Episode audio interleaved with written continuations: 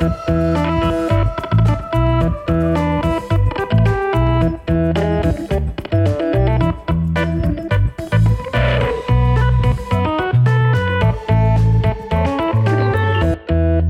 Hallo, goedemorgen, goedemiddag of goedenavond wanneer u dit ook luistert en welkom bij de Brief, de podcast over content marketing en media of nog specifieker, welkom bij Briefly, de thuiswerk-editie, aflevering nummer 4 alweer. Vandaag is het 24 maart 2020. Uh, het is nog steeds een thuiswerkdag en dus nog steeds tijd voor Briefly waarin we je binnen een half uur bijpraten over alles wat er gebeurd is in de wereld van uh, content marketing en media. Normaliter uh, zit naast mij Matthijs Stielman, die zit zoals gewoonlijk nu een keertje aan de andere kant van de lijn. Uh, Matthijs, het is niet zo heel lang geleden dat wij elkaar hebben gesproken. Hè? Nee, nee, zeker niet. Een paar uur geleden alweer. Ja. Uh, hoe, uh, hoe, hoe, is het je, hoe is deze ochtend je, je vergaan? Ik had de werkshift vanochtend, dus ik heb echt lopen knallen als een idioot. veel calls, veel e-mails. dus eigenlijk wel lekker, lekker productief. En ja, vanmiddag voorbereiden op de speeltuinsessies. Ah ja, de play, Play-Doh hè, stond er op het, uh, op het uh, programma. Ja, dat sowieso. Het is alles wat je in je repertoire hebt, denk ik, om, uh, om, om hem maar een beetje bezig te houden, gaat wel voorbij komen. Dus, ja. Doop, doop, doop, doop. Hey, uh, thuiswerkdag frustratie. Vertel. Ja, um, ik zit even te denken. We hadden het er net al even over. En, en het, het, er zijn niet heel erg top of mind dingen meer. Uh, maar ik moet voornamelijk, ja, het, wat, wat in me opkomt is, is dat je de hele dag loopt te vreten. Heb jij dat ook? Ja, dan heb ik daar doorgaans sowieso wel last van. Wat, wat wel helpt is, nou ja, enerzijds is dat heel jammer, maar aan de andere kant ook wel weer mooi, is dat we niet meer naar onze favoriete uh, vis, uh, viswinkel kunnen vlakbij kantoor, de Zeeduivel op de Jan-Pieter Heijenstraat. Ja. Uh, daar, daar, daar schuif ik mezelf om, de, om de dag zo'n beetje vol met een kilo kibbeling. En dat, um, dat is niet het allerbeste voor je sportlijf. Uh, voor zover uh, je het een sportlijf kan noemen. Dus dat, dat zit er nu eventjes niet in. Uh, maar ik ga hier thuis wel vrolijk verder met de, de, de krakots en de, dat soort gekkigheid. Ja. ja, ja. Hoe, wat, wat, wat staat er bij jou op je bureau dan? Ehm, ja, ook gewoon. We, we, kopen al die dingen gewoon inderdaad maar niet meer. Want zodra je chips of MM's of zo in huis haalt, dan is het ook gewoon binnen een kwartier op. Uh, dus een uh, grote zak uh, cranberry mix. Nootjes met cranberries uh, heb ik vanochtend nou, soldaat gemaakt. En verder een beetje boterhammetjes en, en crackers inderdaad. Ah, juist ja. Juist ja. Oké, oké. Ik, maar mijn thuiswerkfrustratie is dat ik mijn, mijn dagen stevast te vol plan. Dus die zelfoverschatting waar je al, waar we zo'n beetje iedereen al aan slachtoffer van is in een reguliere dag, die, is, uh, die voel je nu nog zwaarder. Want je denkt dat je het allemaal wel redt in al die uurtjes. Uh, maar uh, de agenda ziet er echt uit als een, als een soort Tetris level. Um, dus daar frustreert, uh, dat frustreert mij heel erg. We hebben een, uh, we hebben een hashtag in het leven geroepen waar, uh, waarmee mensen hun thuiswerkdagfrustratie kunnen delen. dat heeft iemand gedaan, dat is Sander Hooghiemstra, brand partnerships en sales manager bij WeTransfer, voor Benelux in Germany, in Duitsland moet ik zeggen. Ehm, zijn thuiswerkdagfrustratie was, ik heb slechts één type stoel waar ik op kan zitten. Dus na een paar uur ben je daar wel klaar mee. Mijn benen beginnen een beetje af te knellen en daardoor krijg ik koude voeten ben er wel benieuwd hoeveel stoelen Sander, uh, ik ben benieuwd hoeveel stoelen Sander op, uh, op kantoor heeft dan. Daar was, daar was ik ook, daar was ik ook uh, benieuwd, benieuwd naar. Nou goed, uh, shout-out naar Sander voor het delen. Uh, mocht je zelf een, een thuiswerkdag frustratie hebben, gebruik dan de hashtag of, of DM ons eventjes. En dan, dan delen we hem in de uitzending. Je wint er verder geen zak mee, behalve dan de eeuwige roem. Goed, Matthijs, beste content die je gezien hebt. Vertel.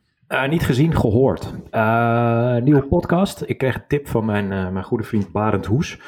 Uh, de podcastserie Root of Evil. Um, geen gezellige podcast, wel echt supergoed, supergoed gemaakt. Um, misschien ken je het wel, de moordzaak op de Black Dahlia. Hele oude moordzaak in Amerika. Uh, ja, ja, ja, ja. Is in 1947 uh, gebeurd. Ja, heftig, hele land stond op zijn kop. En nou ja, dat alleen al is, is een interessant verhaal wat daar allemaal omheen gebeurt. Maar deze podcast wordt gemaakt door twee achterkleindochters van de moordenaar. Althans, waarvan we nu met z'n allen denken uh, dat het een moordenaar was. Die is namelijk nooit gepakt. Maar door onderzoek binnen die familie is, zijn ze erachter gekomen dat, dat het ja, zeer waarschijnlijk tot, tot, tot zeker weten deze man is geweest. dus dat verkennen ze helemaal, die zoektocht, hoe ze daarachter komen, maar ook wat dat dus met die familie helemaal gedaan heeft. ja, nogmaals, geen gezellig verhaal, wel echt supergoed gemaakt. En ehm, ja, gewoon een fantastische podcastserie. Hoe heet die? Root of Evil? Root of Evil, ja. Tof, tof, vet. Gaan we in de show notes zetten. Uh, ik had zelf ook nog een beste content. Dat is eh, de cover van de Voetbal International van deze week. Heb je die gezien toevallig? Nee, maar ik kan hem even op mijn scherm toveren. Dan kijk ik met je mee. Wat zien we? Uh, wat we zien is een, het bekende beeld van ehm, de voeten van een scheidsrechter en dat spuitbusje dat de afstand tot de muur aangeeft. voor degene die een vrije trap moet gaan nemen. Met daarbij de tekst houd afstand, houd moed. Vond ik, uh, ik vond het een heel treffend beeld. Ik vond het heel creatief gevonden van uh, Pieter Zwart, hoofdredacteur en, en zijn team. Um, die hebben het natuurlijk extra moeilijk, want er gebeurt geen reet in voetballand. En die mensen moeten er wel gewoon iedere dag content uit blijven poepen en een boekje maken iedere, iedere week. Um, maar ik vond dit erg, erg mooi. Echt, echt art direction goed, goed gedaan. Sowieso wel mooi. Lezen, overigens mooie boost voor, voor creativiteit ook op dit gebied. Hè? Dus dit is een mooi voorbeeld. Ik zag vanochtend toevallig ook de cover van de New Yorker voorbij komen. Die natuurlijk altijd al hele mooie, mooie getekende, kunstzinnige dingen maken. Maar die ook een hele mooie tekening van een uitgestorven Grand Central Station in Amerika en zo. En uh, ja, je ziet toch ook wel dat het gewoon aangegrepen wordt om, uh, om mooie dingen te maken. Ja, ja erg mooi. Erg mooi. Ja, dat is een positief, positief puntje in deze tijd. Uh, dus, dus goed gedaan, nogmaals, uh, Pieter Zwart en, en team. we gaan het nieuws in. Matthijs, ben je er klaar voor? Let's go. Alright. Um, we, beginnen een beetje met een beetje, nou ja, een cliché wil ik niet zeggen, maar je voelt hem aankomen. Twitter die heeft bekendgemaakt dat ze hun aanvankelijke positieve winstvoorspelling van vorig jaar in, ingetrokken hebben. Um, ze, ze, ze, zeiden vorig jaar december, meen ik nog, uh, dat ze zo'n 820 miljoen tot 885 miljoen dollar aan, uh, aan omzet zouden, zouden gaan draaien, waarvan 30 miljoen winst. Nou, hartstikke keurig. Uh, maar dat hebben ze dus nu ingetrokken vanwege de coronacrisis. wat ze wel zien is dat het, het platform aanzienlijk meer bezocht wordt. Dus zo'n 23% meer, meer users dan vorig jaar in hetzelfde kwartaal. Dus dat is wel echt, echt opvallend. alleen de omzet die gaat daar natuurlijk sowieso onder lijden, onder de coronacrisis. Want adverteren dus die, uh, die zullen wat minder campagnes draaien op het netwerk. Dus um, uh, wat dan de exacte prognose is, hebben ze nog niet bekendgemaakt. Op 30 april uh, zijn de cijfers out there, of maken ze die bekend. En dan zullen we zien hoe ver ze zijn teruggevallen ten opzichte van die aanvankelijke winstvoorspelling. Um, Matt, wat, wat is jouw gevoel hierbij? Is nou, het, ik denk dat dit gewoon een uitvergroting is van, uh, van het probleem wat Twitter eigenlijk altijd al heeft gehad. Namelijk dat ze uh, nou ja, veel gebruikers hebben, maar eigenlijk gewoon een heel slecht verdienmodel. Um, ja, dat gekoppeld aan deze crisis wordt het, allebei, worden, wordt het allebei best wel versterkt. Ze hebben nog meer gebruikers, maar ze kunnen ja, het niet monetizen. Dus ik denk dat dat uh, het achterliggende grote probleem is. En gezien alle, al het gedoe wat er is uh, binnen de board en overnames en, uh, en dat soort dingen, dat uh, ja, dit soort dingen misschien ook wel heel goed uitkomen ergens voor ze. Maar goed, je, je ontkomt er gewoon niet aan dat adverteerders minder uitgeven en dat dat dus ook Twitter raakt. Waar, waar, waar ligt dat aan dat Twitter dat, dat niet voor elkaar krijgt, denk jij? Ja, gewoon te weinig innovatie. Weet je, als je ziet van, kijk, Facebook begon natuurlijk ook ooit zonder uh, advertenties en verdienmodel. En die hebben natuurlijk de afgelopen jaren, uh, nou ja, financieel gezien met heel veel succes, uh, privacy technisch met iets minder succes, heel veel advertentieproducten ontwikkeld en ook alweer heel veel producten gekild. En op Twitter, ja, de innovatie is er gewoon niet geweest. Noem mij één innovatieve vorm van adverteren die Twitter heeft bedacht in de afgelopen vijf à tien jaar. Geen idee. IJzige stilte inderdaad, weet je. Dus um, ja. ze zijn daar gewoon niet echt op gefocust geweest en, en dat soort dingen. Nou, en, en weet je, als je een, een platform wil maken wat, wat waardevol is voor bepaalde mensen, dan zou je, uh, ja, of je, je moet een soort liefdadigheidsinstelling worden, of je moet uh, gewoon een goed verdienmodel uh, erachter hangen. Ja, ze doen, ze doen geen van beide. En het is wel gewoon een beursgenoteerd bedrijf, dus die zullen ongetwijfeld gewoon een keer geld moeten gaan verdienen. En nogmaals, met het bereik wat zij hebben, zeker sinds Trump is het bereik natuurlijk weer enorm toegenomen. En uh, ja, daar moeten ze meer uit kunnen halen. Dat, uh, dat moet gewoon.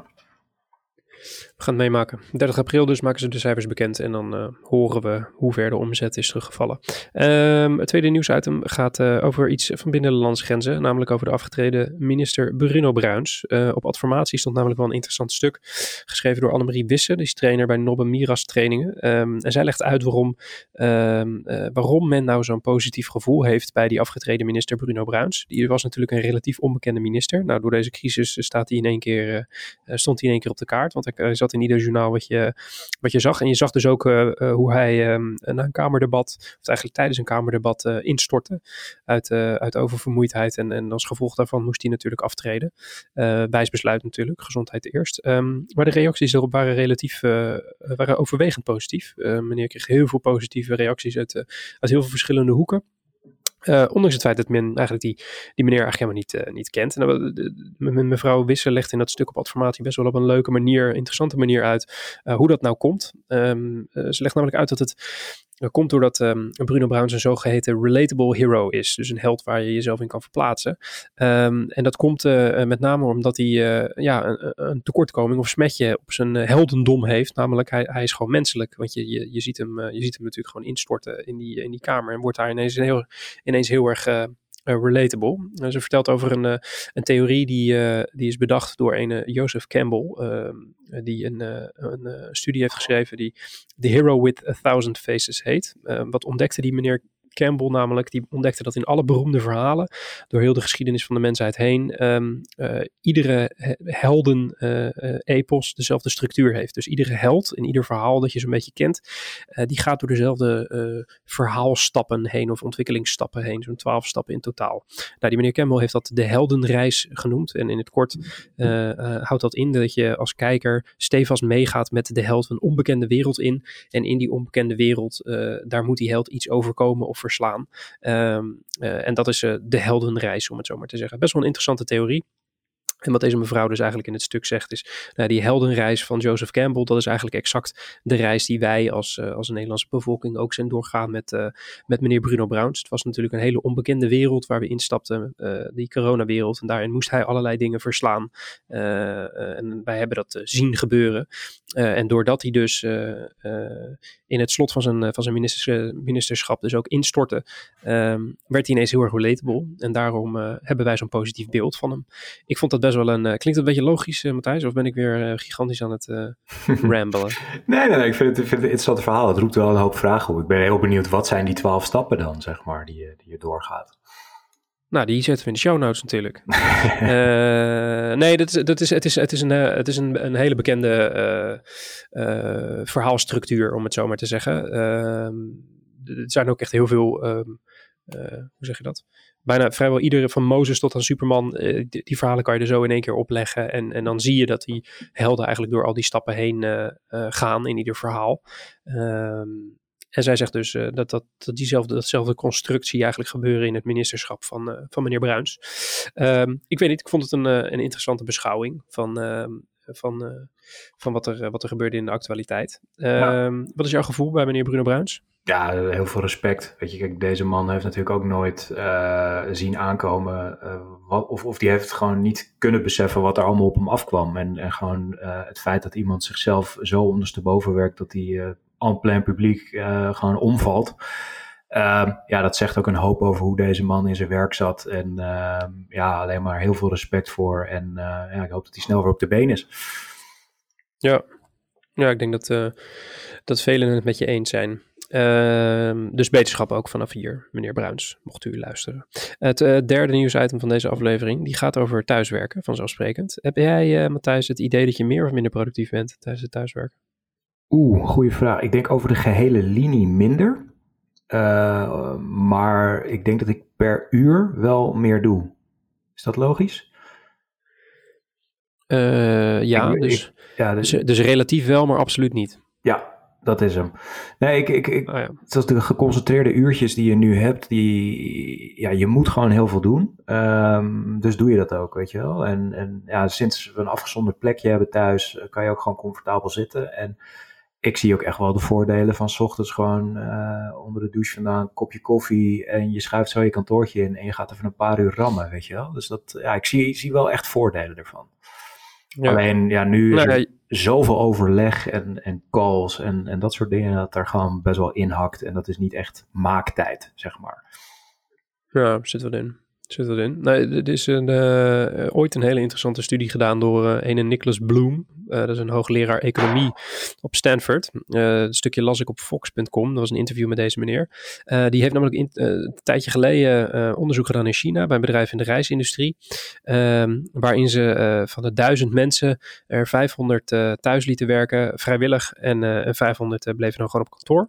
Ehm, en wat bleek, 13% productiever, de mensen die thuis werkten. Ehm, en na afloop van het experiment wilde slechts een heel klein gedeelte uh, van de mensen die thuis werkten ook daadwerkelijk weer naar kantoor toe. Uh, dus je zou zeggen, nou hartstikke mooi, uh, de economie in de huidige situatie gaat door het dak heen. want we zijn allemaal productiever en we vinden het eigenlijk allemaal hartstikke leuk. Maar in dat interview met die meneer Bloem, met die hoogleraar, uh, vertelt hij dat uh, een pandemie nou niet uh, de meest ideale situatie is om zijn onderzoek op te projecteren. want hij zegt er zijn eigenlijk een aantal hele grote verschillen tussen dat onderzoek wat ik heb gedaan en de situatie waar we nu in zitten. punt 1, die mensen gingen vrijwillig. punt 2, het was geen groepswerk wat die mensen thuis gingen doen, maar gewoon simpele data entry taken en dingen die ze gewoon volledig alleen zouden kunnen doen. En die mensen waren daarnaast gewoon getraind en voorbereid. Ehm, en dat hebben we nu allemaal niet. Hij zegt dus het is heel gevaarlijk om die uh, beproefde theorie dat de thuiswerken productiever is, nu één op één door te vertalen naar de situatie die we nu hebben. En dat ook te verwachten van mensen, want uh, ja, de, die, die situaties zijn uh, niet te vergelijken. Um, daarnaast was ook wel interessant, en daar wil ik eigenlijk een beetje verder over babbelen. Zei hij, um, we gaan ook wel een heel groot risico lopen op het gebied van, van geestesziekten, dus mental illness. Want mensen worden eenzaam als ze thuis zitten. Mensen hebben minder sociaal contact, komen mensen minder buiten. En het is gewoon bewezen dat dat extreem slecht is voor je geestelijke gesteldheid. Um, hoe, uh, hoe kijk jij er tegenaan, Matt? Heb jij al, merk je al dingen aan jezelf, gekke nukken die je hebt nu je minder vaak met mensen interacteert of minder buiten komt? Ja, zeker. Ja, als, als uh, punt 1 uh, eh, ben ik heel erg het kantoor waar wij met z'n allen werk, werken, nog steeds, alleen nu even niet, gaan waarderen. Ik, ja, ik was altijd wel iemand, ik ben heel introvert van, van nature, dus ik heb altijd iets van, ik hou er heel erg van om me af te zonderen en, en alleen te werken. Maar ik merk nu dus hoe erg ik het kantoor mis en gewoon de sociale interactie. Uh, wat ik niet had verwacht dat dat zo heftig zou zijn, zeg maar. Dus dat, dat is de eerste learning die ik heb.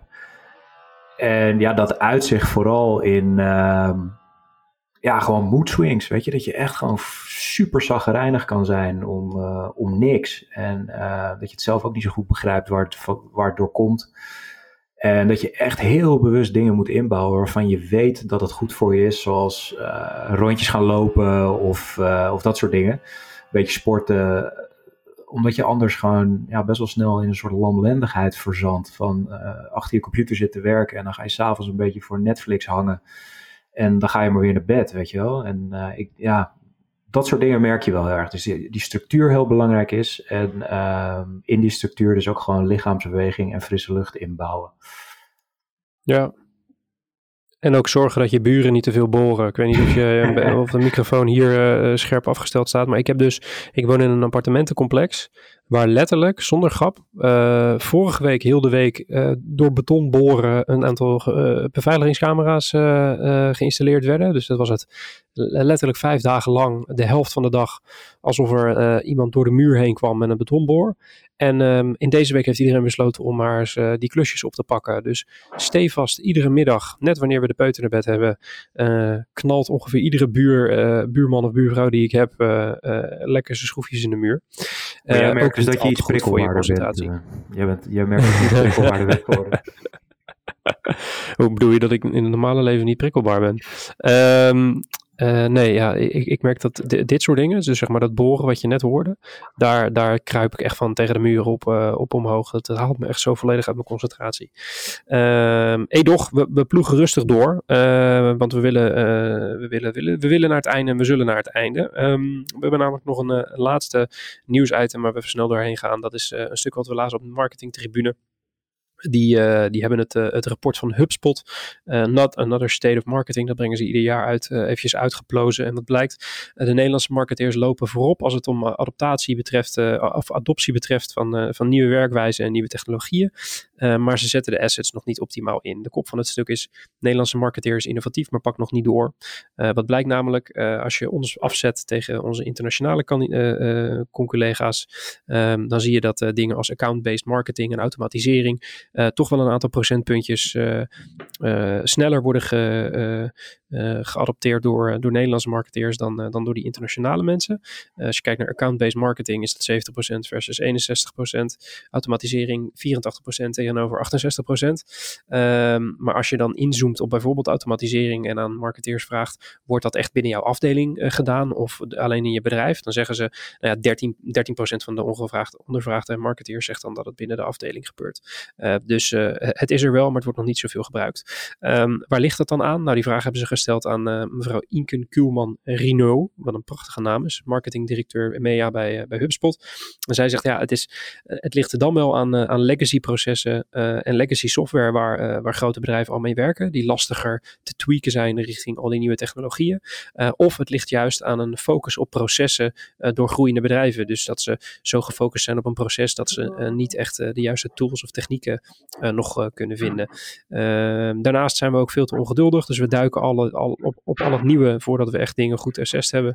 En hebben we geen focus, zodat we allemaal dingen tegelijkertijd willen doen. Dat zou typerend zijn voor, voor de Nederlandse marketeer, volgens dit stuk. Herken je je daarin? Of zeg je van, joh, wil niet zo slap? Ehm, nou, ik, wat ik wel herken inderdaad is, is dat, dat gewoon we het heel erg leuk vinden om met nieuwe dingen bezig te zijn. Dus, dus nieuwe, nieuwe stukjes software of nieuwe nou ja, bedrijfsprocesjes of nieuwe manieren van werken. Um, en dat dan uiteindelijk ja, de, de daadwerkelijke implementatie daarvan bedrijfsbreed, dat dat ja, vaak wel blijft hangen. Ik denk dat wij daarin, ja, geloof ik wel dat dat in Nederland zo is. Um, alleen wat ik interessant vind is dat het, ja, die legacy processen, dat, dat staat daar dan echt heel erg haaks tegenover. Dus ik ben wel benieuwd hoe dat dan werkt. Van, je zou zeggen, een bedrijf wat helemaal vastzit in legacy processen, dat daar überhaupt geen, geen ruimte is voor innovatieve dingen. Of dat er dan één afdelingje is die, die wel leuke dingen mag doen en dat het vervolgens helemaal doodslaat. Is dat dan wat we ervan moeten leren? Ja, ja ik denk een beetje van beide. Denk een beetje van beide. Het zal ook inderdaad zo plat zijn dat, uh, dat een bedrijf zegt: joh, ja, we werken met een bepaald eh, CRM-systeem. En dat is nu eenmaal uh, gebouwd in het jaar kruiken. En daarom kunnen de allernieuwste snufjes er niet op draaien. Weet je, dat kan. Ehm, en dan een heel, een heel bedrijf dan omgooien omwille van de wensen van één hippe CTO, dat, uh, dat, ja, dat, dat gaat dan vaak niet. Dat begrijp ik ook wel. Um, maar ik vond het terug grappig dat het zo typerend Nederlands uh, zou zijn, volgens dit, uh, volgens dit onderzoek. Um, we zijn er alweer. Het ja, einde. Mooi. Um, jij gaat straks lekker aan de Play-Doh. Zeker. ik ga straks lekker nog wat dingen reviewen en daarna aan de Play-Doh. Uh, mocht je nou iets gehoord hebben in deze aflevering van je denkt, hé, hey, dat vond ik interessant, ik wil het nieuws nog eventjes teruglezen. Dat kan je uh, teruglezen in de show notes. Die vind je en in de beschrijving van deze aflevering. Maar sinds de vorige editie, uh, dus die van gisteren, ehm, hebben we die ook als, als nieuwsbrief voor je beschikbaar. Um, dus dan heb je alles als een, als een soort naslagwerkje handig in je, in je mailbox. En daarnaast heb je ook dus een handige notificatie van wanneer de nieuwste aflevering van deze podcast verschijnt. Um, je kan je abonneren door te gaan naar www.wayneparkerkent.com slash briefly of in de beschrijving van deze eh, aflevering stoppen we ook nog een, eh, een linkje. Eh, dus dan heb je alle show notes zo handig in je mailbox. Uh, wil je nog meer uh, dagelijks media nieuws in je ma mailbox hebben, dan kan je je ook abonneren op de Media Thuis nieuwsbrief van Mediahuis die we ook maken. Uh, die, daar kan je je op abonneren door te gaan naar mediahuis.nl slash mediathuis of via het linkje in de beschrijving van deze aflevering. Goed, Matthijs, bedankt. Um, ik ga jou morgen weer spreken. Hè? Sowieso. Een feest. Zeker weten man. Top. maak er een mooie Play-Doh middag van en dan spreek goed. ik je morgen. Alright. Um, heb je je nou nog niet geabonneerd op deze podcast? Doe dat dan. Dat kan via iedere grote podcast app die er is. En vertel ook op digitale en op gepaste afstand aan je collega's dat ze dat ook moeten doen. Uh, special shout-out nog naar Erik Aftink, die uh, dit ook heeft gedaan. Die heeft uh, zo'n beetje heel zijn bedrijf gemaild om te zeggen dat deze show er is. Daar zijn we heel erg dankbaar voor. Dus dank Erik daarvoor. Um, de brief wordt zoals iedere aflevering gemaakt door Wayne Parker Kent en Briefly dus ook. Productie wordt op afstand gedaan door Björn Zwageman. Onvolprezen zoals altijd. Heeft geen microfoon. Gaat dus ook helemaal niks zeggen. Redactie door Hanneke Stuy en Bob Hardes. Heel veel dank voor de flexibiliteit en de multi-inzetbaarheid van de afgelopen paar dagen. En het geduld dat jullie met ons onze grillige wensen hebben gehad. de volgende aflevering is zoals gezegd morgen. Tot die tijd, blijf gezond en blijf winnen. Bedankt voor het luisteren. Mijn naam is Mark Schoones. Werk ze vandaag.